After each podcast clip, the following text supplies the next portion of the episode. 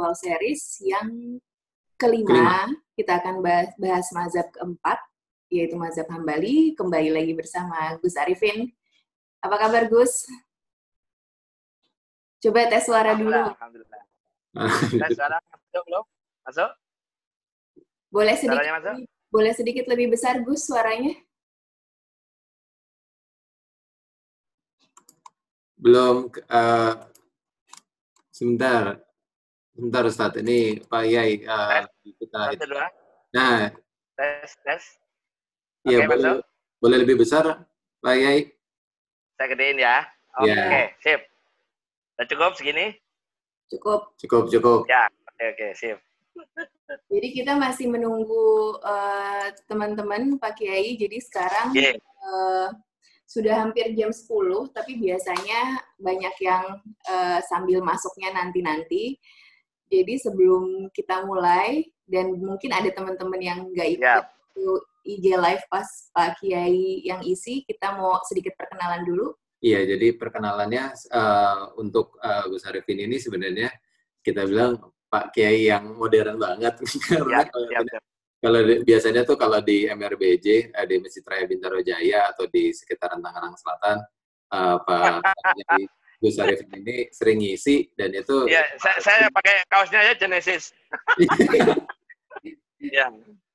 Tapi nggak pernah lepas itu iPad-nya biasanya.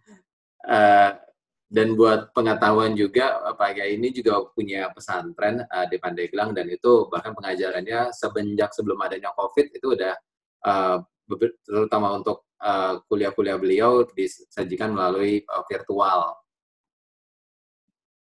Wah, kelihatannya ada ini ya apa uh, sedikit berhenti nih pakai itunya videonya. Videonya, Gus. Coba. Bentar ya, ini. Sebentar ya teman-teman, ini kelihatannya ada gangguan sedikit di uh, koneksi, koneksi Gus Arifin. Coba gitu ya. Kita sambil menunggu yang lain masuk. Jadi uh, ini sambil update juga ke Pak Kiai kalau gambarnya dan suaranya terputus.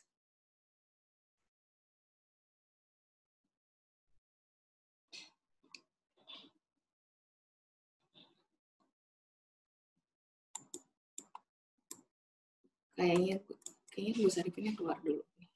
Nice, oke, okay, sudah? Nah, ini ah. sudah. Sudah masuk ya? Alhamdulillah. Jadi mungkin cerita sedikit, uh, Pak Kiai, kemarin kita udah uh, setelah sesi pertama uh, Gus Arvin buka, kemudian kita kemarin ada udah dijelaskan tentang kita ada tiga sesi selanjutnya uh, tentang masa Hanafi, Maliki, Syafi'i itu bersama dua sesi awal bersama Ustadz Arezi Hashim dan kemudian terakhir kemarin sama Ustadz Muhammad Sofin. Jadi mungkin rekapnya sedikit kalau dari kami yang awam ini uh, kemarin dari Hanafi itu kita dari, dari Imam Hanafi kita dapat uh, banyak tentang kias uh, bagaimana oh, ya. dengan kias di dalam mazhabnya Hanafi. Terus kemudian dari Maliki kita kemarin dapat tentang uh, masalah mursalah dan ikhtisan. Ya dan kalau dari Syafi'i kemarin kita uh, dapat kaul kodim sama kaul jadid. Ya, kaul jadid ya. Ya mungkin selanjutnya sudah waktunya uh, kita persilakan untuk uh, ya. sebagai Arifin untuk melanjutkan. Baik. Bismillahirrahmanirrahim. Assalamualaikum warahmatullahi wabarakatuh. Waalaikumsalam warahmatullahi wabarakatuh. Alhamdulillah nahmaduhu wa nasta'inuhu wa nastaghfiruh wa na'udzu billahi min syururi anfusina wa min sayyiati a'malina. May yahdihillahu fala mudilla lahu wa may yudlil fala hadiya lahu. Asyhadu an la ilaha illallah wa la syarika lah wa asyhadu anna Muhammadan abduhu wa rasulullah la nabiyya ba'dah. Allahumma sholli ala sayyidina Muhammad wa ala alihi wa sahbihi. Jemaah ngaji kajian rumahan yang dirahmati Allah, alhamdulillah. Ini saya kebagian pembukaan dan penutupan kalau di uh, pengajian ini berarti cukup istimewa posisi saya yang buka sekaligus nutup. Jadi jadi apa namanya? Jadi apa namanya? Eh, uh, mukodimah sekaligus tamerinya ya. Nah, tadi sudah dijelaskan bahwa sudah dijelaskan tentang ciri khas atau kekhasan dari masing-masing madhab-madhab independen atau madhab mutlak mustakil ya. Jadi istilah yang mungkin kemarin dibawakan oleh para ustadz lain itu uh, istilah mustakil. Mustakil itu independen.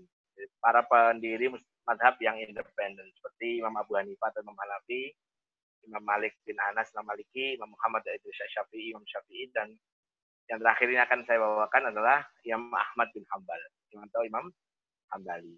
Yang di dalam fikih Madaibul Arba'ah itu nyebutnya bukan Hambali tapi Hanabila. Hanabila.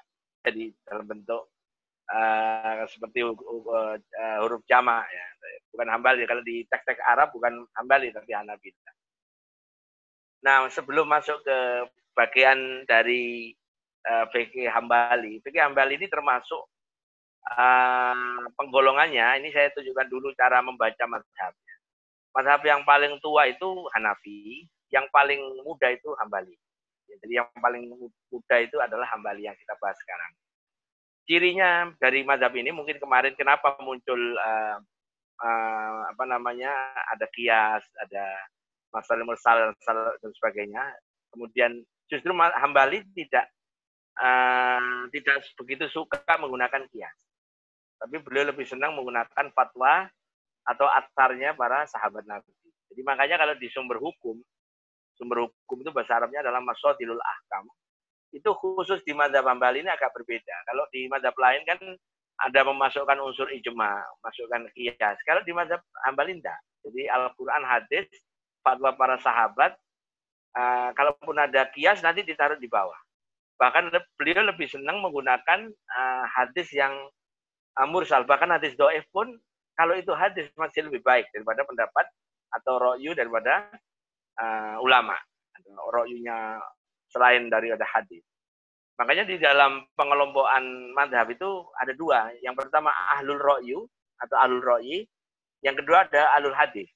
Nah, nanti ada kalau kemarin uh, para jemaah dijelaskan mengenai kias yang lebih cenderung digunakan oleh uh, madhab syafi'i dalam konteks uh, baik kol jadid waktu beliau tinggal di Irak atau di Baghdad, kemudian kol eh kol kodim waktu di uh, Baghdad atau di Irak, kemudian pindah ke Mesir, kemudian disebut dengan kol jadid, itu banyak sekali menggunakan pendekatan-pendekatan uh, ijma dan kias. Sedangkan di madhab Hambali tidak. Meskipun secara nasab keilmuan Hambal ini murid kesayangan daripada Imam Syafi'i. Bahkan Imam Syafi'i mengatakan bahwa muridku yang paling cemerlang adalah Imam Hambali. Jadi bisa dibayangkan sosok Hambali ini adalah uh, bisa membaca seluruh pendapat pendahulunya dari mulai Imam Ja'far, Imam Abu Hanifah, Imam uh, Malik, kemudian Imam Syafi'i sendiri. Terus beliau mencoba untuk membuat uh, mustaqilah atau semacam pendapat yang independen maka beliau lebih senang menggunakan uh, pendekatan atau penggunaan hadis. Ini masuk akal karena Hambali sendiri belajar hadis dulu baru belajar fikih. Saya ulangi ya. Jadi Hambali ini belajar hadis dulu, menghafal hadis dulu, baru belajar fikih. Kalau uh, ulama sebelumnya itu bareng, kayak Imam Malik di Al Muwatta kan bareng, fikih sama hadis bareng. Kemudian di Imam Syafi'i apalagi itu beliau sangat karena kemampuan hampir semua rata-rata kemampuan para imam mazhab itu pinter-pinter ya sama jadi melakukan tapi kalau prioritasnya Imam Hambali hadis dulu baru belajar fikih oleh karena itu ulama masa kini atau ulama yang sekarang mengikuti empat mazhab itu membagi mazhab ada dua. Mazhab yang ahlul ro'yu atau ahlul ro'yi atau menggunakan logika itu adalah diwakili oleh Imam Abu Hanifah. Sedangkan ulama yang ahlul hadis yang paling uh, konsisten adalah diwakili oleh Imam Hambali. Maknanya gini, seluruh mazhab produknya Imam Hambali itu lebih banyak mengacu kepada uh, pendapat-pendapat hadis. Jarang yang memasukkan intervensi pemikiran atau ro'yu atau logikanya uh, Hambali.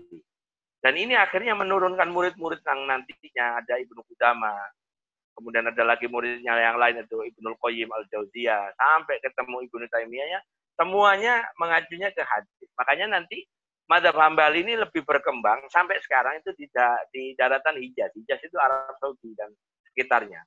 Yang lebih tekstual, lebih e, melihat hadis daripada lebih e, daripada melihat e, pendapat.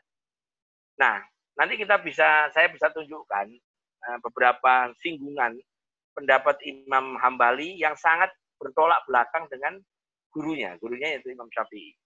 Sebagai contoh, kalau di apa namanya kalau bapak lihat saya kalau ngaji begini samping saya di laptop. Jadi kalau di Madhab Syafi'i itu tentang wudhu saja. Bahwa kalau di dalam wudhu itu uh, bab membasuh kepala itu letterlock betul. Kalau di surat Al-Maidah kan ya ayyuhalladzina amanu idza qumtum ila sholati faghsilu wujuhakum wa aydiyakum ilal marafiq wamsahu birusikum wa arjulakum ilal ka'bah. Surat Al-Maidah uh, ayat 6 ya. Surat nomor 5 ayat 6. Itu kalau Imam Hambali yang dimaksud wamsahu birusikum ya uh, apa namanya? kepalanya ya.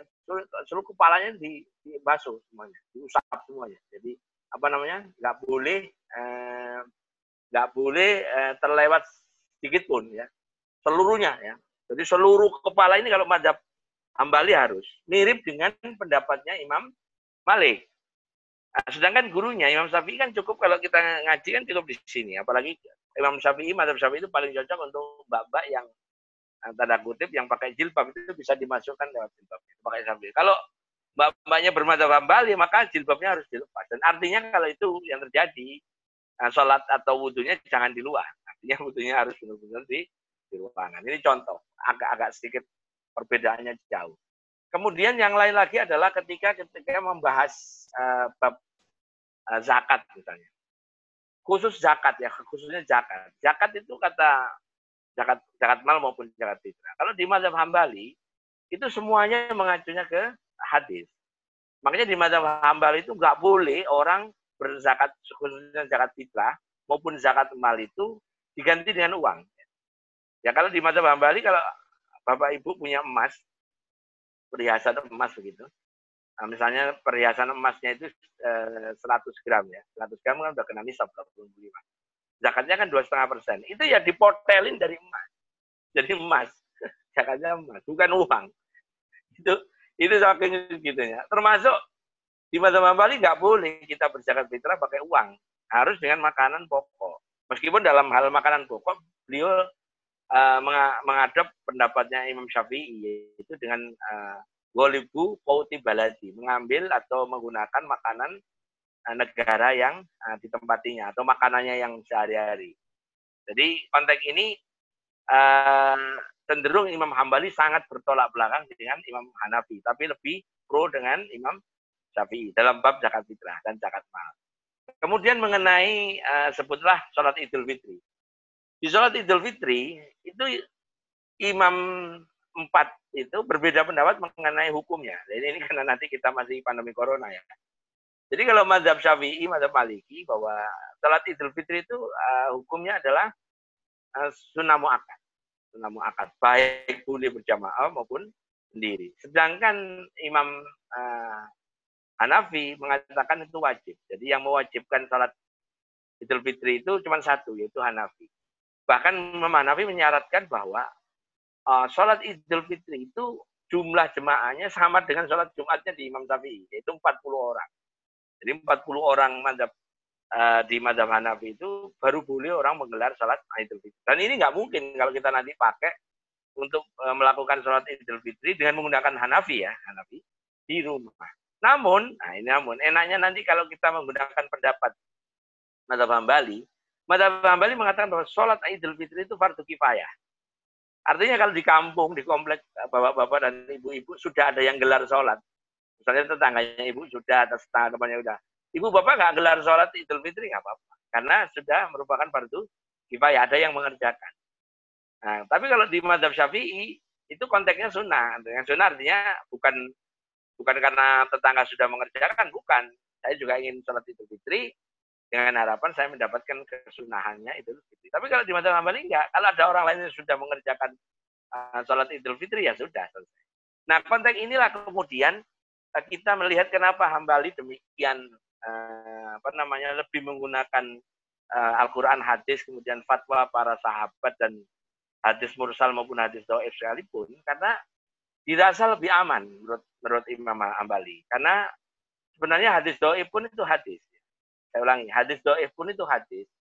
Namun yang menyebabkan lemahnya hadis kan banyak. Ya, antaranya perawinya mungkin kurang ciko atau perawinya mutorib. Mutorib itu uh, apalanya goncang. Kalau kalau tanggal muda apal tapi kalau tanggal tua suka lupa itu kalau uh, kita yang jadi perawi kayaknya hadisnya doa semua itu ya karena kalau tanggal tua udah mulai mulai lupa apalagi sudah mendekati hari raya begini ya gitu. Namun saya ulangi lagi jadi mazhab Hambali ini adalah mazhab yang terakhir ya dari kalangan empat mazhab itu yang mencoba untuk merekonstruksi kembali bagian-bagian yang mungkin terlupakan tanda kutip bukan terlupakan artinya tidak keurus oleh madhab tiga sebelumnya namun mencoba untuk mengambil posisi atau positioning bahwa mengambil atau menghukum uh, hukum di dalam beribadah ya kalau bisa jangan lepas dari Quran dan hadis. Quran dan hadis dalam arti nanti turunnya turunannya adalah meskipun hadis doib boleh. Namun kemudian di pendapatnya Imam Hambali yang lain tentang hadis doib itu hanya boleh untuk uh, fadail amal. Tapi untuk hukum tidak boleh. Tetap harus menggunakan hadis yang oke. Kalau nggak ada di hadis yang soke yang dalil kot, ikot itu yang uh, detail ada bunyinya ada, terus itu bisa dimaknai sebagai hukum, maka beliau mengajukan lagi fatwa para sahabat. Bagaimana dulu para sahabat uh, mengambil hukum itu. Ya. Nah termasuk bab membasuh atau mengusap kepala tadi itu kan sebenarnya Imam Hambali tidak uh, apa namanya berpendapat. Beliau hanya um, menafsiri daripada ayat Quran surat Al-Maidah tadi. Sehingga yang dimaksud mengusap kepala ya kepala, kepala ya keseluruhan. Sedangkan di Madhab Syafi'i kan mengusap kepala itu bisa sebagian di Imam Maliki ya selebar uh, telapak tangan dan seterusnya. Inilah yang kemudian uh, bagi orang yang kurang paham, sebenarnya kok Islam kok membingungkan. Itu asal usulnya bukan masalah membingungkan bukan, tapi karena memang pijakan dari para pendidik madhab itu berbeda-beda ya. Ada yang lebih cenderung menggunakan sumber hukum yang ketat dari Quran, hadis, fatwa para sahabat dan juga hadis yang lain yang meskipun derajatnya mungkin mursal atau doif. Sedangkan yang lain sudah menggunakan uh, kol kodim, kol jadid ya. Dan kemudian di Maliki juga ada salim mursala, kias dan sebagainya. Sehingga secara teoritis mereka karena pijakannya berbeda maka outputnya berbeda. Atau nata ijul uh, madaat nata ijul atau produk ijtihad nata ijul ijtihadnya berbeda.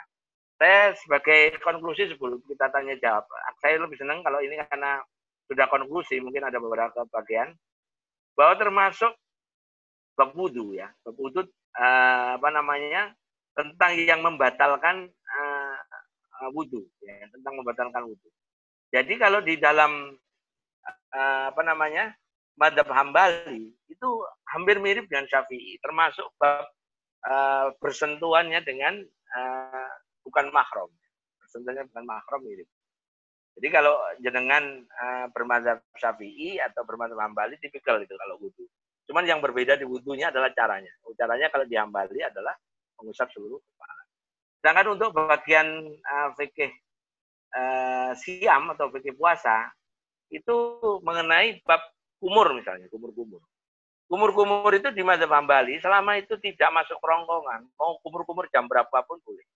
Saya ulang ya, di Mazhab Hambali itu kumur-kumur itu selama itu tidak masuk kerongkongan itu tidak membatalkan puasa. Tapi terkecuali kalau kumur-kumurnya itu ada rasa.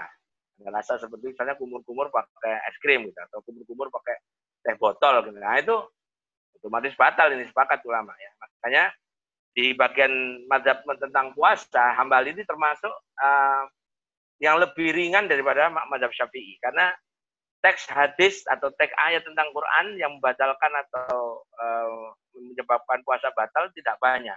Tapi di madhab syafi'i banyak karena uh, dia kaitkan dengan banyak hal. Termasuk teori tentang, ini saya bandingkan dengan syafi'i ya. Termasuk teori yang, yang membatalkan puasa itu adalah apa namanya uh, uh, termasuk mengenai masalah masuknya ke dalam sembilan lubang. Nah, ada pertanyaan tadi kedekatan Mazhab Hambali dengan Salafi. Iya, memang karena uh, Salafi kan bercoba, mencoba kembali ke ajaran-ajaran uh, salaf. Uh, rumus salaf itu maknanya kan lampau. Lawan katanya kholaf. Jadi Imam Hambali itu mencoba seluruh uh, produk ijtihadnya itu dikembalikan pada Quran dan hadis. Ya, saya ulang ya. Jadi Imam Hambali itu mencoba ketika uh, beliau sudah berhasil membuat satu kitab namanya Musnad Ahmad itu, yaitu yang terdiri dari sekitar hampir ada yang mengatakan 28 ribu hadis, ada yang mengatakan 40 ribu hadis. Ya jumlah bukunya itu ada yang 27 jilid, ada yang 30 jilid. Itu beliau secara uh, apa namanya? secara otomatis seluruh produk hukumnya mengacu ke dalil-dalil hadis maupun dalil-dalil Al-Qur'an. Makanya uh, ini lebih cocok dengan orang atau kelompok yang menyebut dirinya salafi. Artinya mengembalikan ke seluruh uh, produk hukum itu ke uh, tataran awal, ulama-ulama awal. Ya, Imam Syafi'i termasuk ulama salaf, Imam Malik termasuk ulama salaf, tapi penyebutan disebut salafi kan yang mereka maksudkan adalah mengembalikan seluruh ajaran kepada Quran dan Sunnah. Nah, yang lebih cocok dengan Quran dan Sunnah itu dari empat mazhab itu yang paling dekat, yang paling banyak irisan uh, singgungannya ya memang dengan mazhab Hambali. Makanya kenapa mazhab Hambali berkembang di Arab Saudi. Nah, namun anehnya ini, anehnya ini, walaupun uh, Saudi itu menghadap ke Hambali, ketika ketemu persoalan-persoalan yang sifatnya uh, menyangkut urusan umat Islam keseluruhan, ulama-ulama Saudi tetap minta pendapat ulama-ulama mazhab lain. Saya ulang ya, jadi ulama Saudi itu meskipun lebih banyak didominasi oleh uh, mazhab Hambali, sebutlah Abdurrahman Sudes, Syekh ya, yang imam-imam masjid itu. Yang cirinya salah satunya kalau sholat bismillahnya sir itu itu adalah uh, ingin mengembalikan kepada tanda kutip hukum Islam yang utama, yang pokok yaitu Al-Quran dan hadis. Jadi anehnya, anehnya ini ya, ketika masalah masa pandemi corona ini, kalau Bapak cari nanti di YouTube atau di medsos atau di berita-berita online bahwa sekarang itu uh, di Saudi itu kalau teraweh maupun sholat lima waktu maupun sholat Jumat, softnya soft distancing, softnya itu ada jarak. Padahal itu kalau murni itu batal. itu kalau mengambil hambali batal. Justru itu mengambil pendapat Imam Syafi'i soft dengan distance, dengan cara. Jadi orang kosong, orang kosong itu, itu justru punya Syafi'i. Tapi dipakai oleh orang Saudi sekarang. Makanya kalau Bapak Ibu pahami ini, kok kok mencela-mencela? Enggak. Jadi sebenarnya ulama itu uh, mengajari kita bahwa cara berpikir mazhab itu cara berpikir yang solutif. Jadi kalau kita bermadhab terus semakin kita terbelenggu dengan madhab itu, saya pastikan Anda harus cari jalan keluar, harus cari solusi. Contohnya sekarang ketika orang uh, tanda kutip di Makkah harus tetap ada sholat ya. Kalau di kita kan memang ditutup. Uh, mereka tetap sholat, mereka harus jaga jarak, pakai jarak. Jarak mungkin bisa diisi dua orang itu. Gambarnya mungkin Pak Pak Dimas mungkin nanti bisa cari itu di video-video. Kalau di Twitter itu at infoharomain.com itu banyak gambar-gambar itu. Nah, di sana itu lebih menggunakan pendapat nah, ulama Syafi'i. Dalam hal ini pendapat, pendapatnya uh, Syekh Muhammad Romli ya, dalam uh, beberapa pendapatnya bahwa uh, dengan tidak rapat itu tidak menghilangkan pahalanya berjamaah dan tidak membatalkan sholat. Ya, jadi kalau di madhab Ambali, sob dengan jarang itu dianggap sholat munfarid. Karena kehilangan berjamaahnya. Nah, dari sini saja kita sudah paham bahwa kalau ada orang uh, kaku di mazhab Ambali, kemudian tiba-tiba ketemu masalah seperti ini, harus lompat, harus bahasa kemarin saya intikol, ya. pindah madhab intikol. Ya. Jadi gitu. Nah, sebagai sebagai uh, sebelum pertanyaan uh, tanya jawab, saya uh, duplikan satu uh, pendapat. Ya. Saya ambil dari mengenai apa namanya mengenai salat taraweh. Salat taraweh. Salat terawih di mazhabnya Hambali meskipun beliau mengambil dari teks hadis, beliau lebih senang menggunakan teksnya hadisnya Umar bin Khattab. Saya ulang ya. Jadi Imam Hambali itu kan menggunakan teks hadis. Nah, teks hadis yang menggunakan eh, teks hadis yang dipakai oleh Imam Hambali menjelaskan salat terawih itu teks hadis dari Umar bin Khattab yang jumlah rakaatnya 20. Nah, sedangkan yang kawan-kawan yang salafi atau bahkan kawan-kawan yang lain di Indonesia yang entah Muhammadiyah atau apa pun ya organisasi ini ya disebut. Tapi mengambilnya dari hadisnya Aisyah yang jumlahnya Rasulullah tidak menambahkan rakaat uh, qiyamul lail itu di Ramadan walau fi ini di Ramadan maupun uh, di luar Ramadan ikhda asara rakaatan 11 rakaat pakai itu. Itu madhabnya Aisyah sebenarnya. Tapi anehnya di empat madhab nggak ada yang pakai hadis itu. Termasuk yang alul hadis seperti Imam Hambali malah beliau menggunakan uh, terawih 20. Oleh karena itu jangan heran kalau di Mekah, di Madinah, dalam keadaan normal, itu sholat terawihnya adalah 20 rakaat. Tapi kalau sekarang, uh, Bapak Ibu melihat tanda kutip di Mekah, sholat terawih, mereka menggunakan paruhnya 10 ya. 10 rakaat. Jadi jadi dua rakaat jalan, dua rakaat jalan 10 kali. Jadi jadi eh, lentur banget itu. Jadi apa namanya bisa di tanda kutip uh, belok ya dan semula lurus terus belok bisa. Tapi tetap pada penyebab, tetap pada penyebab. Ulama madhab juga tidak uh, gampang untuk berpindah-pindah, nggak boleh memang. Ya, pernah saya sampaikan di bagian pembukaan kan, bahwa inti lawan madhab itu dengan syarat. Termasuk mencampur madhab pun dengan syarat. Jadi pertanyaan tadi saya jawab, kedekatan hambali ke salafi itu dari satu sisi, yaitu penggunaan masyadirul ahkam utama, yaitu Quran dan hadis. Di sana mereka bertemu. Nah, tapi dalam konteks yang lain, seperti puasa, termasuk tanda kutip, kalau mengambil hadis haji ya, bahwa lontar jumroh itu adalah uh, Ba'da zawal. Ba'da zawal itu adalah apa namanya uh, sesudah dohur. Tapi di Saudi malah difatwakan duha atau pagi itu udah boleh. Lontar jumroh akobah maksud saya. Jadi artinya itu ya. Jadi uh, konteks inilah yang kemudian saya mengamati sebagai ya penikmat buku-buku madhab mereka dan saya belajar ngaji dari guru-guru saya bahwa uh, semua madhab itu sebenarnya sumbernya ya sama Quran dan hadis. Nah, mulai berbeda ketika menggunakan kias, mulai berbeda ketika menggunakan masalah masalah. Mereka mulai berbeda ketika menggunakan ijma, mulai mulai berbeda ketika menggunakan kol kodim, kol jadid. Nah, seperti itu mulai berbeda karena memang di Quran itu ada yang koti, ada yang doni.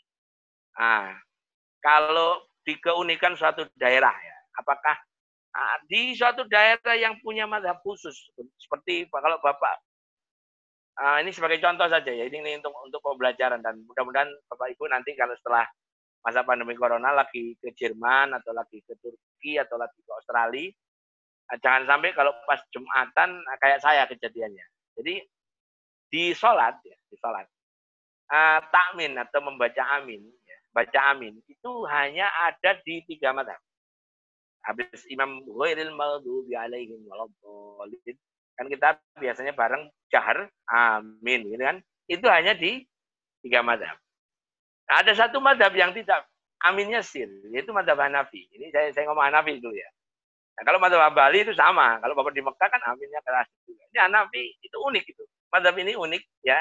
Madhab Hanafi ini perkembangannya banyak di negara-negara seperti Turki ya, kemudian sebagian Syria, Lebanon, kemudian Uzbekistan, kemudian sebagian uh, buru-buru migrannya pindah ke Australia ada di Australia.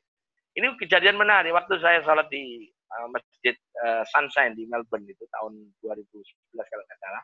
Saya lagi ada training di sana. Saya kebetulan memilih masjid itu karena nggak terlalu jauh dari tempat uh, tempat sekolah tanda kutip uh, ambil keahlian fiber optik waktu itu. Terus saya salah di situ. Saya nggak kepikiran bahwa ini daerah situ mazhabnya unik. Hanafi semua. Ya ketika Jumatan ya nggak ada bedanya kan ya. Tetap ada khutbah, tetap sholatnya. Tapi saya sudah mulai curiga ketika uh, suara atau tingkat ketika membaca takbiratul ikhram hampir semuanya asir. Walaupun bunyi tapi asir. Kalau di madhab-madhab lain kan Allahu Akbar lebih cenderung di agak di di rafa dinaikkan. Jadi ini itu saya sudah mulai curiga. Benar. Ketika ghairil maghdubi alaihim waladdallin amin gitu ya. Itu kalau kita kan amin itu. Kami itu kebetulan bertujuh. Yang muslim karena waktu itu training kita ber eh, 10 kan ada perempuannya terus yang yang lainnya Nasrani. Yang bertujuh cuma kita bertujuh kompak kenceng amin. Aduh itu malunya sampai sekarang. Kan mereka nggak nggak punya apa-apa. Ini makanya hati-hati sampai kalau kalau ketemu satu kota, satu tempat, madhabnya kenali dulu. Makanya ini penting pembelajaran aja. Siapa tahu nanti sampean eh, ditunjuk jadi eh, apa namanya eh, penyuluh lapangan gitu ke suatu daerah, tiba-tiba madhabnya berbeda dengan kebiasaan kita. Ya. Akan terjadi kayak saya. Kira-kira itu ini konklusi saja sebagai penutup poin penting ya. Ini ada dua. Pertama, seluruh madhab itu ngambil uh, sumber hukum pokoknya itu sama, yaitu Quran dan hadis. Berbeda ketika mulai beliau-beliau ini melakukan istinbat, mengambil hukum itu. Ada yang uh, lebih cenderung, cenderung menggunakan pendapat uh, uh, ro'yu atau pendapat logika, ada yang selalu lebih senang dengan pendapat uh, atau menggunakan aktar atau fatwa para sahabat supaya lebih kuat cantolannya dan sebagainya. Hasilnya adalah empat mazhab itu meskipun secara nama berbeda, tapi ada bagian yang bersinggungan, hampir semua madhab sepakat. Ada yang sangat berlawanan kontras, uh, ada yang juga yang uh, dua-dua, ada yang tiga satu, maksudnya Syafi'i dan Hambali kompak, Hanafi Maliki kompak, ada kadang-kadang Hanafi kayak tadi Amin itu hanya Hanafi yang sir, yang tiga Aminnya jahra seperti itu. Nah, makanya kalau kita berkata nanti benar yang mana sih madhab? Ya sampai jangan ngomong benar salah kalau sudah kayak gitu. Ibaratnya begini ya, ini untuk yang ketiganya, yang konklusi yang penting. Kalau kita paham teori madhab itu seperti gini. Jadi Quran hadis itu merupakan uh, benih padi benih padi. Yang kemudian oleh para khulafa Rasyidin ditanam. Sudah tumbuh, nah, diambillah ah, hukum-hukum itu yang jadi zaman khulafa Rasyidin yang praktis tidak banyak perbedaan. Setelah lewat zaman masuk tabiin, tabiut tabiin, itu ibaratnya padi sudah jadi beras. Beras terus dimasak jadi ada yang jadi eh, lontong, ada yang jadi ketupat, ada yang jadi bubur, ya ada yang jadi eh, nasi goreng. Nah tiba-tiba kita sudah dimasak yang tadi itu sudah jadi produk ya. Ada lontong ada nasi goreng. Ini hanya anu ya hanya, hanya kiasan saya ya. Jadi terus kemudian tiba-tiba berkata ayo kita kembali ke Quran dan hadis. Maka sampai seperti begini ketika menghadapi bubur tiba-tiba sampai ingin mengembalikan ingin jadi padi akhirnya nggak ketemu jadi akhirnya kok beda, kok beda jadi begini akhirnya itu ya jadi uh, waktunya ceritanya jawab saya agak lama nggak apa-apa ini monggo Mas Dimas Kira-kira itu uh, penyampaian saya. Selanjutnya udah ada pertanyaan lain, uh, Pak Kiai itu di awal ya, Mas Adrian, Pak Kiai sejauh apa batasan orang awam dalam memilih pendapat mazhab? Bagaimana ya. untuk menghindari talfik yang berlebihan? Ya baik, sebenarnya sampean itu secara natural disadari atau tidak itu bermazhab. Ya kan, saya pernah nyampaikan itu di pengajian saya mau ngaku atau tidak ngaku, sampean itu bermadhab. Karena kita ketemu orang yang bermadhab. Bapak kita misalnya, kakek kita misalnya. Atau kalau kita di kampung ya ketemu di musola. Yang musolanya kebetulan madhabnya yang sudah terpola, ya, ada sudah terbentuk. Sebagai contoh, uh, di pengajian hari ini kan saya kalau tanya kan terawihnya ada yang 8, ada yang 20. Artinya kalau delapan, Bapak sedang menggunakan pendekatan metodologinya Mazhab Hambali, tapi hanya ngambil dari sisi pengambil dalil, itu hadis. Itu hadisnya Aisyah. Sedangkan kalau Mazhab Hambali itu 20. Nah, kalau Mazhab Syafi'i 20. Kalau Mazhab uh, Maliki malah 36. 36 atau bahkan muridnya Qodiyah itu malah 40 dan 7 witir 47. Hanafi juga 20. Gitu. Jadi uh, ini pertama itu ya. Jadi apa orang awam harus bermadhab? Kalau dalam pendapat para ulama fikih di bagian makalah saya yang pernah saya sampaikan ke Mas Dimas, bahwa orang awam harus bermadhab, harus minimal tahu hukum-hukum pokoknya. Contoh, misalnya kalau dia yakini bahwa uh, melafatkan niat puasa itu nawa itu soma godin an alda ifati syahri ramadan ya hadis nanti nilai taala uh, maka ya sampai harus pakai itu ya, harus pakai itu. Karena kalau nggak itu nggak dipakai karena itu dipakai oleh dua mazhab baik mazhab uh, apa namanya uh, syafi'i maupun sebagian mazhab hambali. Dengan mazhab hanafi boleh nggak diucapkan. Nah dengan gerakan as-sunnah ini tolong tolong definisi as-sunnah itu jangan jangan juga keliru naruh ya. nah, di mufradat atau terminologi tentang as-sunnah itu yang dipakai oleh orang as-sunnah yang dalam konteks-konteks kajian as-sunnah kembali ke as-sunnah itu maknanya hadis.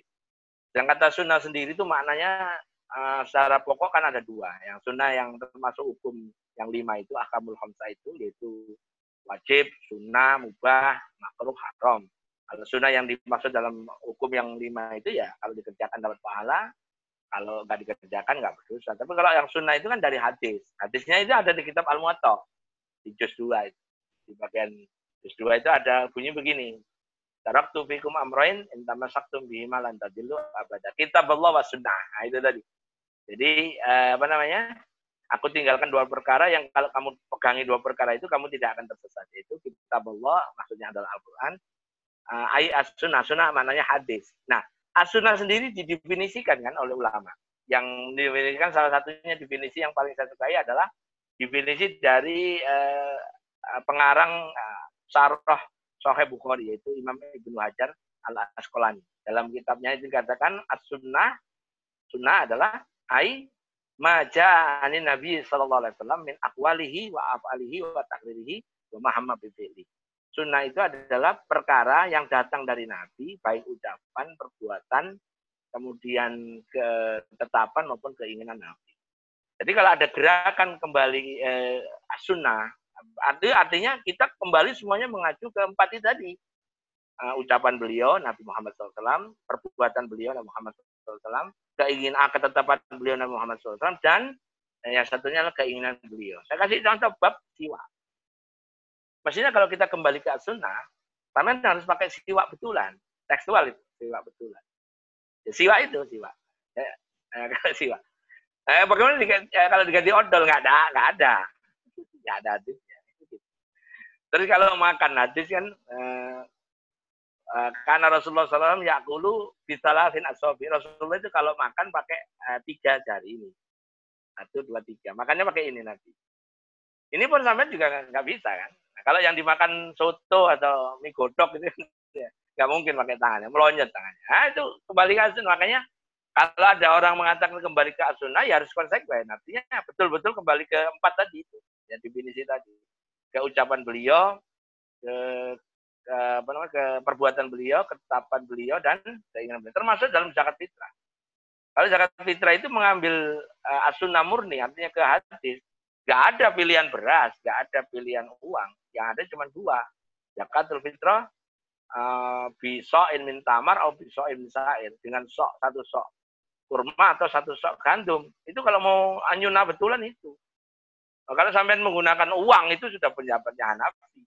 Menggunakan beras atau makanan pokok menggunakan pendekatan madhab Malik, eh, sorry, uh, Syafi'i dan Hambali. Kata Maliki boleh dengan makanan pokok, tapi juga boleh dengan makanan yang di dalam hadis. Nah seperti itu. Itu kalau gerakannya asunnah, mestinya begitu. Termasuk bab makan. Kalau bab makan pakai asunnah, Nabi nggak pernah makan pakai sendok. Apalagi sumpit. Wah, nggak pernah. Nah, begitu sampai menggunakan ditalasin asobi, pas makan bakso ya lonyot sampai gitu.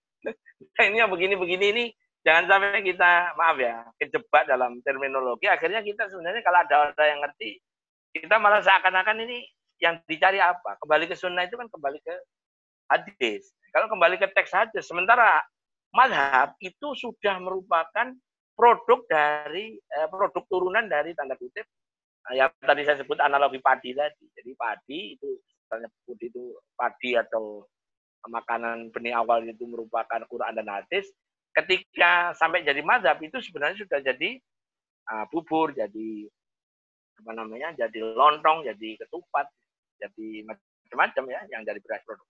Kira-kira itu, uh, Mas Dimas. Tadi maaf, uh, Pak Yai, tadi kelihatannya ada pertanyaannya.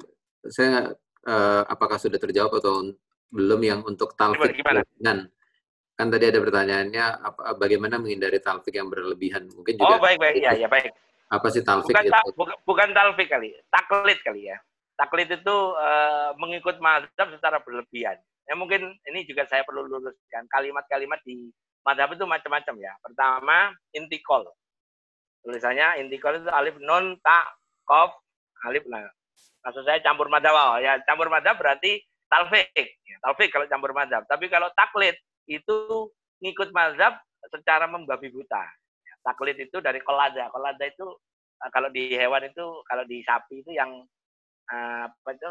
Apa itu ya? Kalau di sapi itu di kampung saya itu namanya keluhan. Jadi uh, dimasukkan ke hidung begini sampai ke leher itu kolada. Kolada itu uh, pengikat leher. Jadi orang yang taklid itu kan diajak ke mana-mana mau. Nah, temennya sholat pakai sedekap di dada dia ikut. Nggak tahu dalilnya. Temennya sholat goyang-goyang ikut. Nggak tahu dalilnya, itu taklid. Tapi kalau talfik itu mencampur. Mencampur mazhab, itu empat mazhab ini sudah punya aturan. Empat mencampur mazhab itu punya aturan. Ada tiga yang nggak boleh, ya. yang lainnya boleh. Artinya kalau tiga ini Bapak sudah tidak uh, masuk di sini, berarti boleh mencampur. Pertama adalah tidak boleh ngambil yang ringan-ringan. Yang pertama, ini yang penting. Nggak boleh ngambil yang ringan-ringan. Yang kedua, dalam satu kodia, nggak boleh ada dua mazhab yang saling menganulir. Misalnya contoh, saya puasa uh, menggunakan syafi'i, yang di mana saya berniat nawa itu soma godin an ada syahri Ramadan ya di sanati uh, lillahi ta'ala ya. Ini saya jawab dulu ya. Ini ada pertanyaan apa bedanya mursal sama doib? Kalau hadis mursal itu hadis yang hanya sampai di sahabat.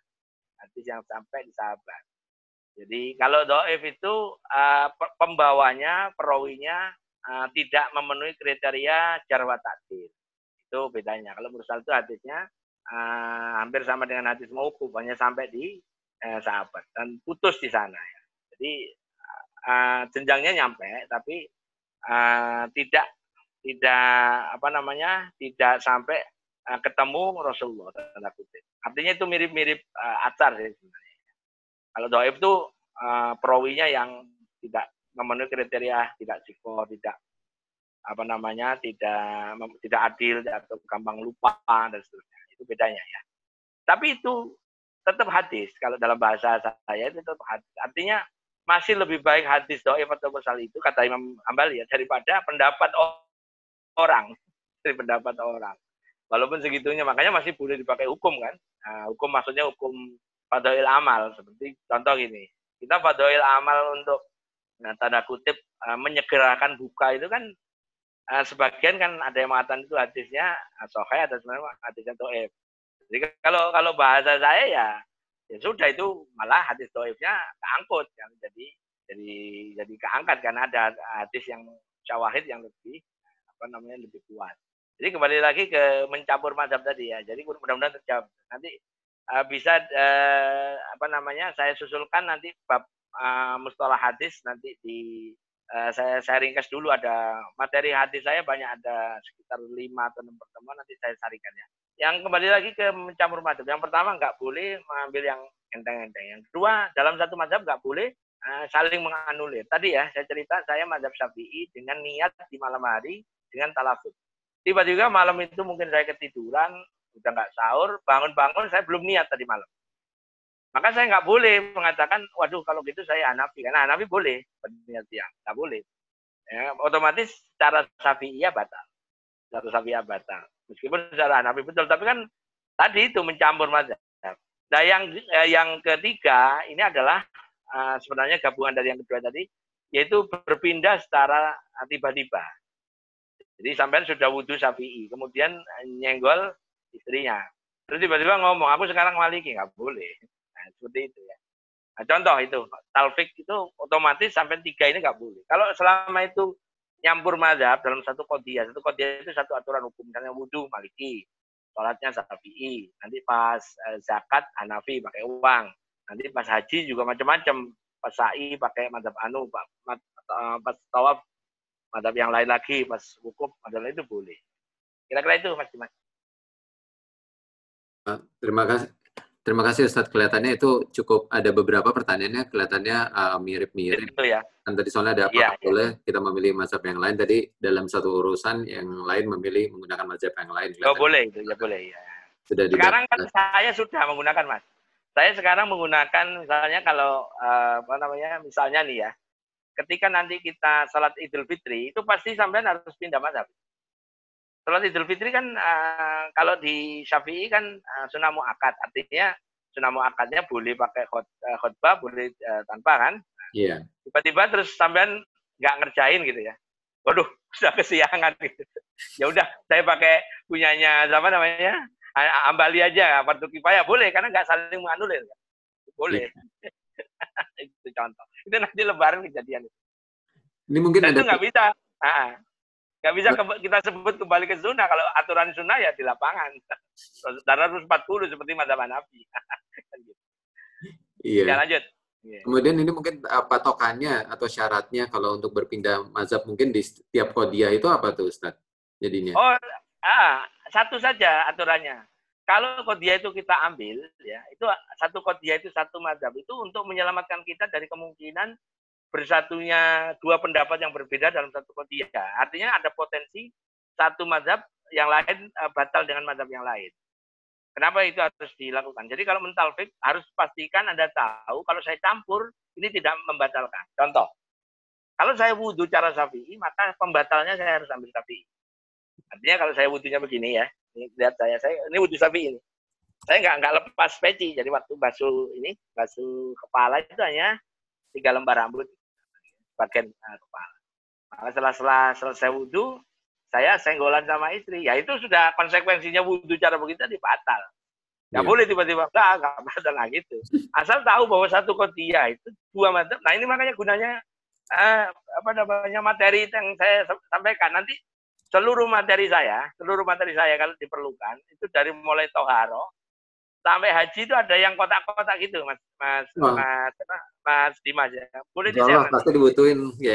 Ah, nanti saya saya kirim aja seluruh materinya. Tolong sampean rangkum ya, sampean kasih uh, kayak pemisah kertas gitu. Ini mas toharo, ini sholat, ini zakat ya. Ini saya ini depan saya ini saya lihat. Ini kalau kalau bapak lihat kan depan yeah. saya kan laptop. Itu saya baca itu makanya kelihatan apal tadi.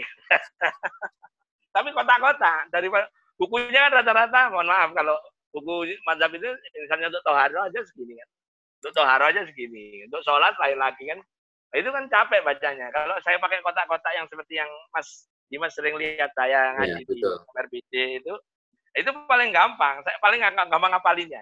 Itu monggo nanti dibagi ilmunya. Insya Allah manfaat itu. Nah kalau perlu tanda kutip mau versi bukunya juga bisa dicari di uh, Gramedia ada buku saya hampir semuanya begitu cara nulis kayak gitu yeah. silakan kalau ada yang lain G. yang lain kalau ada yang mau ditanyakan mungkin ini tadi uh, yang mas, uh, hadis mursal dan daif sudah dijawab dan mungkin ini yeah. ada pertanyaan dari Mas Andre tadi udah sedikit dijawab juga oleh Pak Kiai tapi mungkin ada ke kalau saya boleh uh, bicara dari yang banyak di lapangan itu mungkin orang itu sedikit uh, tercampur antara asunnah uh, atau salafi gitu kan. Sekarang banyak oh, iya, iya. arah sana tapi yeah. mungkin uh, bisa dijelaskan secara singkat ya Ustaz tentang gerakan ya salaf ya salafi. Itu kan yang ya salafi itu orang yang mau kembali ke ulama-ulama terdahulu. Dan ini sebenarnya tidak monopoli tanda kutip pada Bali di Sapi pun istilah salafi biasa. Kalau jenengan ke Jawa Timur, Jawa Tengah, Jawa Barat, yang Pantura itu pesantren-pesantren itu pasti namanya nyebut salafi safiyah salafiyah.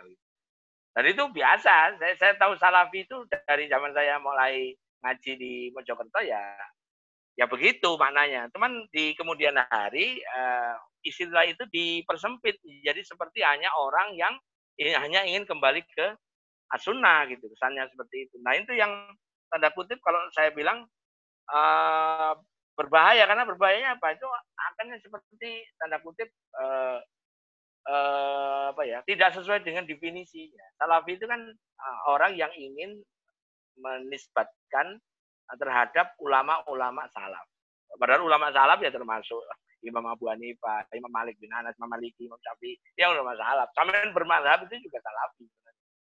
Nah, tapi diartikan oleh orang, sebagian orang itu salafi ya tadi itu kembali ke sunnah. Makanya kajiannya disebut kajian sunnah. Itu aja sih. Nah, kalau saya. Kalau saya karena di mazhab itu tanda kutip apa namanya uh, apa namanya uh, tanda kutip sudah terbiasa dengan persoalan itu ya saya jelasnya gampang aja. Kalau sampai mau salafi penuh ya bermadhab sih karena ulama yang dimaksud ulama salaf ya ulama-ulama terdahulu. Gitu. Jadi itu mas mas Dimas ya. Ya gitu. Ada lagi? Mungkin di Nah, nanti untuk materi yang lain-lain akan saya kirim lewat emailnya Mas Dimas ya. ya. Tadi ya, insya Allah kotak. Iya. Hari ini atau mungkin bisa. Materi yang sebelumnya sih sudah kita sampaikan juga tadi Ustaz. Oh iya, monggo, monggo dipakai ya. Itu ya. itu justru materi kan ada 57 halaman. Kalau dengan mau belajar detail mazhab, itu yang di bagian kitab-kitab maupun anunya, apa namanya? Um, taksonominya madhab ya. Taksonomi yeah. madhab itu kan punya taksonomi ya punya apa? Kalau taksonomi itu apa sih? Oh, aku kok jadi taksonomi apa? Susunan ya? Susunan. konstruksi. Ya konstruksi ya. Punya konstruksi berpikir ya. nah konstruksi berpikir itu diwakili oleh kitab-kitab yang dipakai. Makanya kalau ada orang penceramah ini nih ini perhatikan ya ini ini ilmu ini ini ilmu bagi yang tahu syukur kalau belum tahu ini bagus kalau ada penceramah dikit-dikit ngomong gini, menurut Ibnu Qayyim al-Jauzi, menurut Ibnu Taimiyah, saya pastikan itu hambali. Hmm, atau yeah. salafi. Karena ada orang mengatakan menurut Syekh Bujairo, Hasya Bujairomi, menurut kitab Asar Sunanya Imam Nawawi, menurut kitab Riyadus Salihin, saya pastikan itu Syafi'i. Atau apalagi nyebut langsung kitab Al-Um, itu pasti Syafi'i. Tapi ada ustadz mengatakan, menurut kitab Al-Muwatta, saya pastikan itu Maliki. Atau menurut kitab Hasyiah Ibnu Abidin, saya pastikan itu Hambali, uh, Hanafi. Jadi sampai sudah tahu itu konstruksi itu. Jadi kalau ada penceramah yang nyebut referensi, itu sampai sudah punya panduan, oh Pak Ustadz ini sedang berbicara mata apa. Makanya di bagian belakang itu saya tuliskan, kitabnya ini namanya seperti kalau di saya sebut aja ya, tadi Hanafi nyebut uh, Hasya Ibnu Abidin itu nanti termasuk nanti kitab tafsir, kitab akidah itu mengacu ke sana semua. Jadi tolong diingat ya, mazhab tidak hanya di VK ya, termasuk di mazhab akidah pun ada di empat itu. Mazhab akidah itu ada. Nah, makanya nanti akan muncul tanda kutip yang uh, sempalan-sempalan karena tanda kutip tadi itu uh, mereka tidak mengikuti faedah dari yang dijelaskan oleh para ulama dahulu yang yang kompeten seperti aliran-aliran sesat itu kan, kan karena munculnya dari sana untuk akidah. Tapi kalau untuk fikih relatif perbedaan-perbedaan hukum yang relatif tanda kutip yang nampak secara dohir dalam bentuk ibadah. Tapi kalau akidah kan nggak nampak karena itikot kan.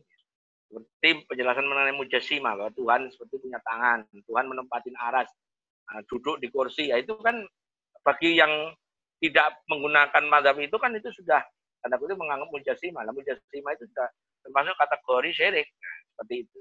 Jadi nanti uh, saya tunjukkan konstruksi kenapa di makalah yang sebelumnya saya kasih judul-judul uh, kitab. Nanti kalau bapak-bapak ibu-ibu dengar penceramah itu gampang. Tapi kalau penceramahnya ngomong gini kayak saya. Menurut kitab Rahmatul Ummah fi Ikhtilafil Al Imam, menurut kitab uh, Islam wa Adilatuh, menurut kitab uh, Mazhabul Arba, saya pastikan orang itu sedang berbicara empat-empatnya. jadi gampang banget. Tebakannya gampang. Sampai jadi enak nebaknya. Jadi tongkrongan orangnya bisa aja misalnya saya pakai sorban, pakai coba. Tapi saya ngomongnya ibu Arba ya. ibu Arba gitu. Gampang. Yeah. Jadi peci atau peci haji nggak nggak bisa dilihat madhabnya. Apa perbedaan pembagian bid'ah dalam setiap madhab? Ya ada. Bid'ah di setiap madhab ada. Rumusnya sama. Ini saya tunjukkan ya, kenapa istilah bid'ah itu sering disalahgunakan. Kalau Bapak belajar mazhab, pasti nggak akan gampang memponis bid'ah. Karena bid'ah itu rumusnya ada dua. Yang pertama, ini ya, boleh di, kan direkam ya ini ya. Iya. Pertama itu, kullu malam yang alu Nabi Sallallahu Alaihi Wasallam fi umuri diniyah. Ini yang ngomong Ibnu Qayyim al-Jauzi. Ibnu Qayyim al-Jauzi tadi apa mazhabnya? Hambali. ya salah ya. ini saya ngomong Hambali, Ibnu Qayyim sampai langsung konotasinya ke Ambali ini. Karena kita ngomong Ambali. Kullu malam ya palu semua perkara yang tidak dikerjakan Nabi SAW di umur di dunia dalam urusan agama, kalau kita buat itu di urusan kita, maka itu kita. Itu, itu rumus satu. Rumus kedua adalah kullu mas mastadoma bisyariyah al-islamiyah. Semua yang berlawanan dengan syariat Islam.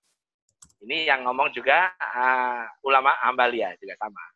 Saya lupa namanya. Istadom itu berlawanan. Makanya sampai kalau pernah dengar nama Saddam Hussein itu, Saddam tahu ya, Saddam itu dari kata itu. Maksudnya uh, orang yang berani menabrak. Saddam itu menabrak. Jadi kalau Saddam Hussein itu Makanya karakternya Saddam Hussein cocok dengan namanya kan kalau nah, kalau yang lahir yang lahir anak 80-an perang Iran Irak tahun 80-an Mas Dimas mungkin belum lahir ya. Oh, itu udah. udah lah. Saddam Hussein itu kan dari nama dari kata istadam itu menabrak orang yang berani ngelawan. Istadam syariah itu menabrak syariat.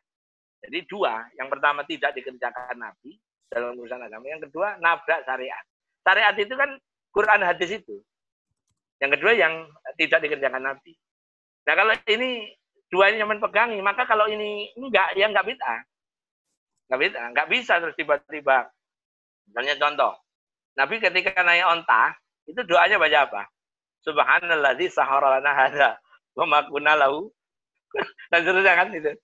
Dia baca doa itu ketika naik onta. Nah kalau sampean sekarang naik Innova, doanya apa naik, naik Innova? ya tetap itu tuh. Padahal Nabi nggak naik, nggak naik Innova, nggak naik Kijang, apalagi nggak naik Mercy atau nggak naik BMW. Benar? Pemirsa itu kalau kalau pakai di Quran kan di surat Hud Nabi Nuh waktu eh, mau apa berlayar kapalnya kan Bismillah majari Pemirsa walaupun naik Ijang, Innova kan gitu. Yeah. Kalau gitu-gitu ada. Ini contoh ya, contoh. Jadi bid'ah itu ada di setiap madhab juga akan nyebut bid'ah. Contoh Imam Syafi'i mengatakan kalau orang uh, tanda kutip tidak sesuai dengan yang diatur oleh madhab itu ya bid'ah. Contoh kata Imam Syafi'i kalau talafut niat itu mengantarkan kita selamat niat kita kalau nggak kamu lakukan ya bid'ah gitu aja. Jadi gampang akhirnya. Ya, dua tadi ya. Tidak uh, apa yang kita melakukan perbuatan yang Rasul tidak kerjakan di urusan agama. Yang kedua, dan tidak melanggar apa? syariat, tidak menabrak syariat. Ini contoh nih, ini ini akidah tapi di apa? madhab tapi ada di konteks tauhid. Nah, ada sebagian ulama mengatakan bahwa orang yang punya apa sih cincin ya, cincin yang kata ada isinya terus punya keris gitu, atau orang yang suka, suka biasa keris disebut syirik kan mas? Yeah. Itu kan nah, terminologi kan gitu. Nah, sementara kalau kita kita nggak nggak boleh nuduh dulu misalnya saya bawa keris atau saya bawa pakai cincin atau Mas Dimas bawa keris atau pakai cincin. Terus saya tanya, Mas Dimas kenapa bawa keris? Gue saya jadi panitia kawinan kawinan kok. jadi apa pagar apa itu? Di depan itu pagar ayu pagar apa bagus. Kan pakai keris ya. Saya tanya Mas Dimas gitu, udah mau iya sih Nah, padahal ada yang lebih parah itu sekarang. Nah, kalau orang zaman dulu pergi keluar rumah bawa keris, bawa celurit kalau di Madura, atau bawa golok kalau di Betawi ya, atau bawa ujang kalau di Sunda, atau bawa badik kalau di mana Bugis, itu karena untuk yakin saja bahwa saya ini dengan bawa ini kalau ada apa-apa saya bisa apa namanya membela diri. Nah sekarang saya balik ke jemaah di sini. Berani nggak sampean ke mall, misalnya nanti dibuka, nggak bawa dompet, nggak bawa kartu kredit. Berani. Kalau sampai meyakini itu, syirik juga loh. Ayo, ini contoh, ini contoh bahwa Mas David itu nggak gampang, kita itu nggak boleh gampang-gampang bid'ain atau nyirikin. Ya, karena itu, kalau ada orang tergantung sama dompet, waduh nggak bawa dompet, nggak bawa kartu kredit, mati aku misalnya, wah itu sharing itu. Rumahnya, saya apa aplikasi link di situ, GoPay di situ ya, walaupun nggak bawa dompet nih, nggak apa-apa kalau misalnya ambil handphonenya nggak bawa, pasti saya pastikan ribet itu. Ya, sering juga nanti. Nah, kira-kira itu. Ya. Ya, silakan kalau ada yang tanya lagi. Menarik Uh, jadi sampai nanti akhirnya punya gambaran madhab nggak nggak selalu kayak menggambarkan sesuatu yang rigid enggak kalau sampai sudah paham nanti bisa apa ya kalau bahasa bisa lentur gitu bisa belok ini pasti ini sudah kita sekarang terawih di rumah itu juga pindah madhab. pindah madhab. Tahu yang bilang terawih di rumah nggak pindah madhab, pindah madhab itu. Iya. Jalan Idul Fitri. Nah makanya di materi eh, nanti saya kemarin ngirim ya Mas Dimas ya tentang tata cara sholat Idul Fitri belum ya? Nanti saya kirim. Belum, belum, belum, okay. Ya, saya harapkan kawan-kawan jamaah kajian rumahan ini nanti yang mas-mas, yang bapak-bapak bikin sholat ya, jangan nggak sholat, jangan maksudnya jangan tadi iseng-iseng karena nggak ngerti caranya wis aku saiki hambali aja jangan loh ya karena hambali tadi apa apa tadi hukumnya tadi? Fardu? Kifayah. Kifayah. Iya orang udah ada Pak Kiai yang ngerjain. tetangganya Ustaz Pak Gus Arifin sudah saya nggak usah kerja jangan Anda kerjakan. Nanti saya kirim tata caranya sama khutbahnya. Nah ini mulai khutbah. Di materi nanti yang saya kirim sebentar lagi karena saya bisa kirim segera karena ada sudah ada di WA saya. Uh, nanti kalau uh, tanda kutip misalnya bapak mau khutbah itu harus menentukan madhab. Jadi sholatnya caranya Syafi'i maka khutbahnya cara tapi karena satu kodiah itu ya. Yeah. Kalau sholatnya cara Hanafi maka khutbahnya Hanafi. Yang saya maksud ini tiga lawan satu. Syafi'i, Maliki, Hambali sama. Itu sholat sama khutbah, khutbahnya dua kali. Jadi sampean harus di rumah nyiapin kursi. Kalau sampai pakai Hanafi, nggak usah siapin kursi. Karena sekali khutbah langsung selesai. Hanya satu khutbah. Nanti di materi itu ada khutbahnya paling lama tujuh menit. Kultum betulan. Tapi syarat khutbahnya itu. Kemarin ada jemaah gara-garanya minta. Nah ini ada yang sok-sokan. Ustaz saya ingin uh, khutbah di depan anak atau istri saya pakai bahasa Arab. Oh ya tak buatin ya, malah turu. malah khutbah bahasa Arab. Khutbah bahasa Indonesia yang belewat. yang terkait perempuan wudhu di luar rumah tempat wudhu terbatas. Nah, kalau yang bagi perempuan ini, ini yang itu nanti saya kirim. Ini ada pertanyaan. Kalau yang perempuan tetap sama tadi misalnya, bab nutup aurat perempuan kan ada, bab wudhu nyangkut e, buka jilbab kan ada. Maka kalau ngerjain begitu ya harus pastikan yang hukum awalnya dulu yang dipakai, yaitu jangan sampai terbuka aurat di umum. Makanya kalau wudhu sampai dengan mazhab Hambali, maka harus di dalam ruangan. Jangan wudhu misalnya lagi traveling gitu, ada musola atau masjid yang tempat wudhunya di luar yang kelihatan orang lain, jangan. Karena Anda sedang bermazhab Hambali kan. Nah, apakah boleh talfik? Nah, itu harus ditanya dulu. Ada nggak tempat wudhu yang tanda kutip di dalam? di masjid itu. Kalau ada jangan. Tapi kalau mohon maaf uh, tempat wudhunya uh, benar-benar lapangan, sholat di lapangan, nggak ada tempat wudhu tertutup, sampean batal. Maka sampean pindah madhab. Pindah madhabnya menggunakan syafi'i biar tidak membuka apa tadi uh, jilbabnya. Kan gitu kan? Nah, ya saya lagi ya. Ini ini sederhana pertanyaannya tapi bagus ini. Jadi uh, dua hukum ketemu dalam satu uh, event ya. Hukum pertama buka aurat itu nggak boleh di semua madhab, tapi di lain pihak ada ketentuan madhab yang mau nggak mau harus buka uh, kerudungnya untuk membasuh kepala. Mana yang dipilih? Ya pilih dua-duanya. Pilih dua-duanya. Kalau sampai di masjid itu tempatnya tertutup ada, maka harus wudhu di tempat tertutup. Waktu wudhu, jilbabnya dibuka. Kalau misalnya nggak ada tempat tertutup kayak di lapangan, mau seperti hambali, ya berarti sampean harus jilbabnya dibasahin. Cover-cover gitu atau pindah madhab syafi'i yang kalau pindah madhab syafi'i kan cukup dari dalam begini. Yeah. Ini tadi pertanyaan bagus menyangkut wanita. Nah, kalau menyangkut wanita, Bapak boleh ini, ini bukunya sudah nah, tebelnya segini, ini 800 halaman. Ini madhab khusus wanita. Ini bisa dicari itu Mas. Mas Dimas kemarin sudah tak, tak kirimin nanti. Kalau beli lewat saya, ini bukannya dagang, dagang ya, ini ada diskon Mas Dimas. Yeah. guyon nanya gitu. Insya Itu itu ini ini wanita saja ini. Tebelnya 800 halaman. Namanya ensiklopedia wanita ya. Jadi dikarang sama saya sama ibunya anak-anak ya. Oh. Karena yang wanita kan dia. saya kan cuma laki-laki tahu tempatnya ini ini aja. Nah. Tapi yang alami kan head istiqadah kan mereka wanita. Oke. Okay. Uh, kelihatannya uh, waktunya juga ada pas. Tapi ada pertanyaan terakhir, uh, uh, Pak Gai, yeah. dari dari kami. Sebenarnya kan ketika kalau kita udah melewati serial ini, uh, kita baru walaupun baru kulit kulitnya kan sebenarnya buat kami sebagai orang awam itu menjadi sangat mudah ya bermazhab itu. Oh iya, dan jadi kita tidak gampang memponis orang. Itu yang penting. Poin pentingnya di belajar empat mazhab itu satu sebenarnya. Kita rukun. Yeah. Saya misalnya jalan dengan Mas Dimas nih Mas Dimas kebetulan goyang-goyang gini ya, saya bodoh amat ya. Lah, ya, Bang Bali itu udah selesai saya. Nah, uh, Pak kan pertanyaannya nih, uh, kan sebenarnya ini ha dibilang harta karunia umat uh, Islam ya, karena kan ini melalui uh, metodologi yang sangat kami bilang sangat rumit, sangat, sangat rumit, rumit, sangat rumit dan komprehensif ya, dan sangat ilmiah gitu bahkan sangat ilmiah ya. Kita tidak mengalaminya dan tidak mendapatinya di pendidikan ya. nasional ya. kita gitu. Betul, betul, betul. Nah pertanyaannya kenapa hal yang dasar-dasar seperti ini tuh tidak banyak ditemui di masyarakat ya, Pak Kiai? Oh ya, baik. Kalau saya kebetulan dapat fikih empat mazhab kan di madrasah, Mas. Jadi ya. di lembaga pendidikan Ma'arif NU itu ditunjukkan empat mazhab. Saya belajar empat madhab itu kelas 5 madrasah.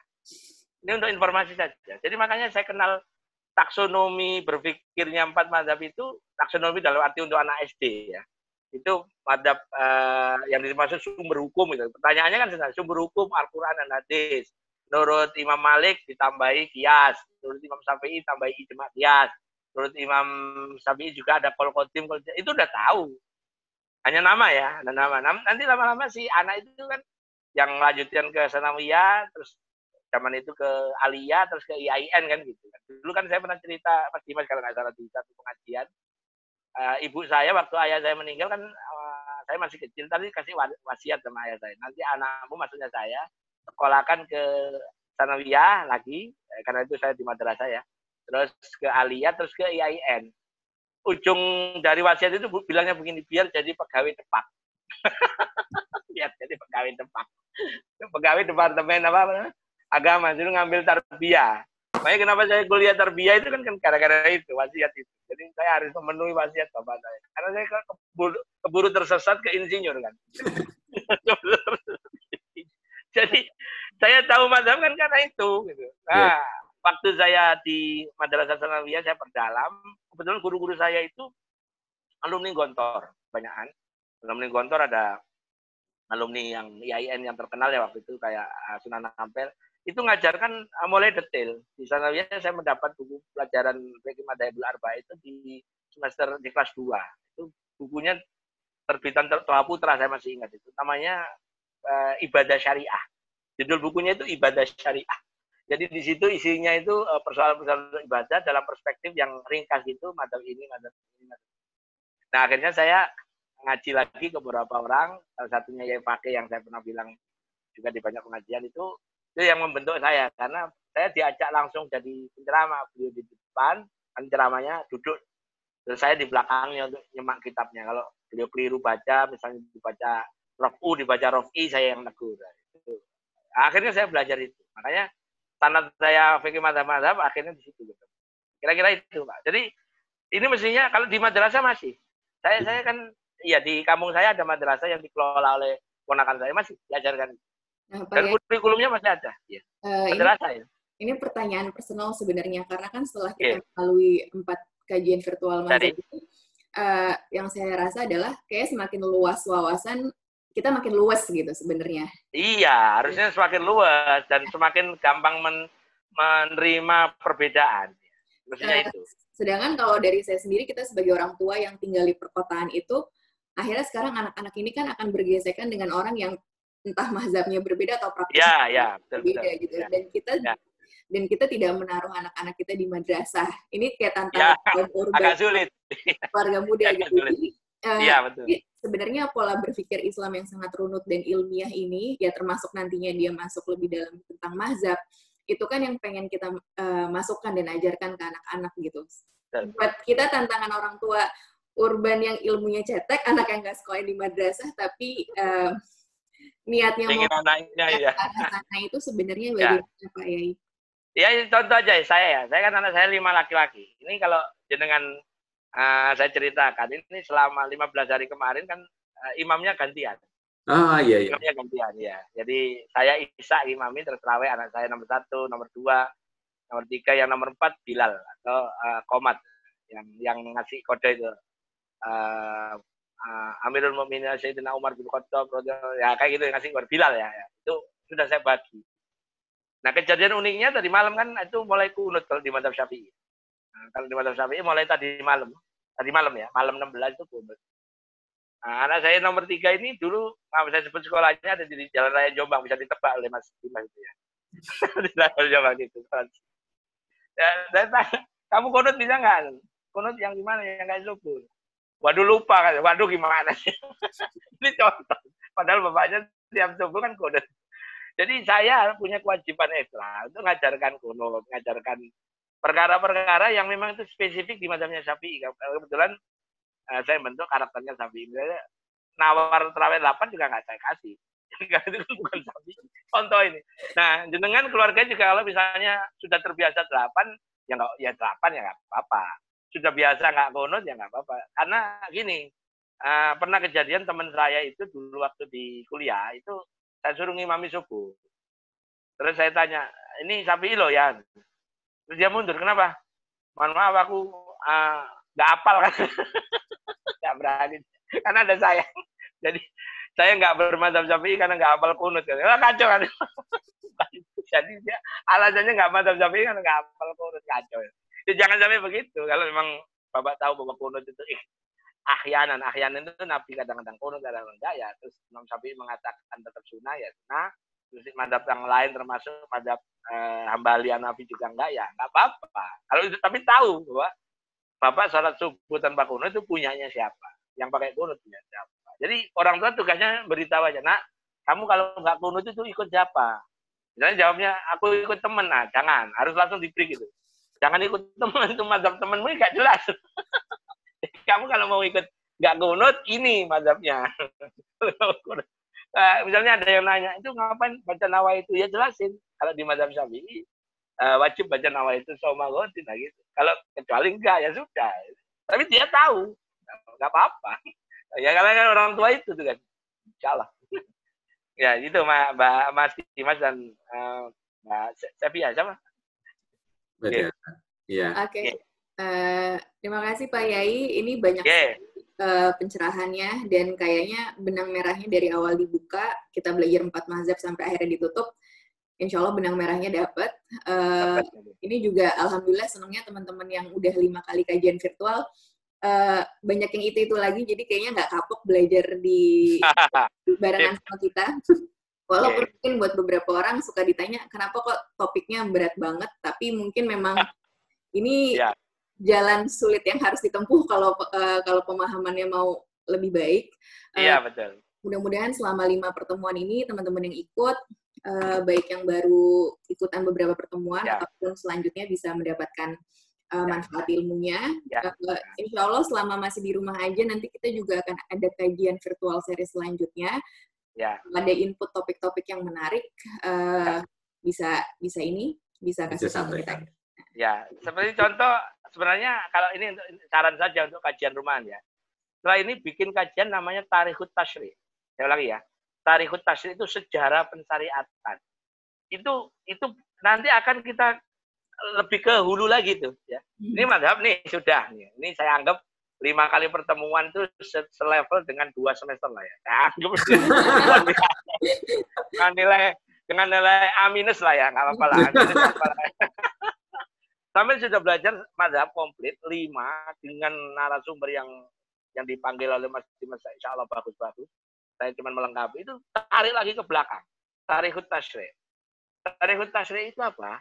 Sejarah pensyariatan ini kalau kalau ini saya tambah lima menit kita tutupkan. Uh, bahwa kalau kita belajar tarik tasri itu uh, kita paling nggak nanti berpikirnya lebih gampang lagi.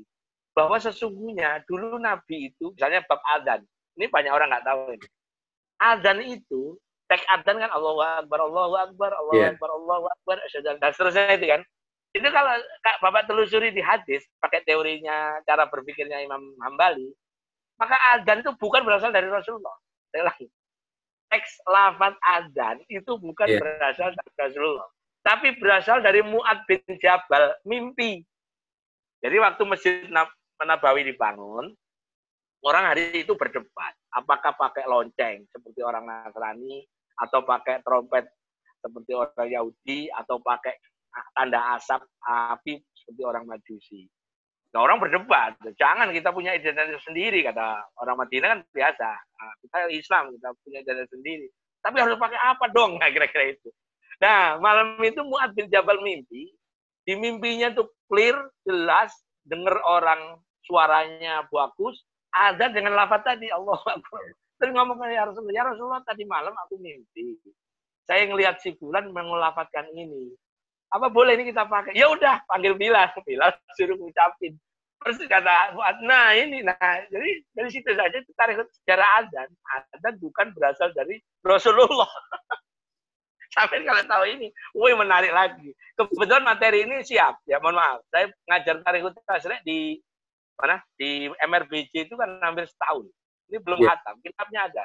Namanya kitab Tarikhut Tashrek. Yang Syekh Khudori Bek dari sejarah adzan, sejarah wudhu, sejarah tayamum, sejarah sholat, oh, sejarah sholat jumatan di rumah apa enggak jumatan, sejarah adzan bunyinya solu fi buyutikum kemarin lagi viral itu ada semua sejarahnya. Itu nanti ketemu fenomena di madhab. Wah, lebih manis lagi.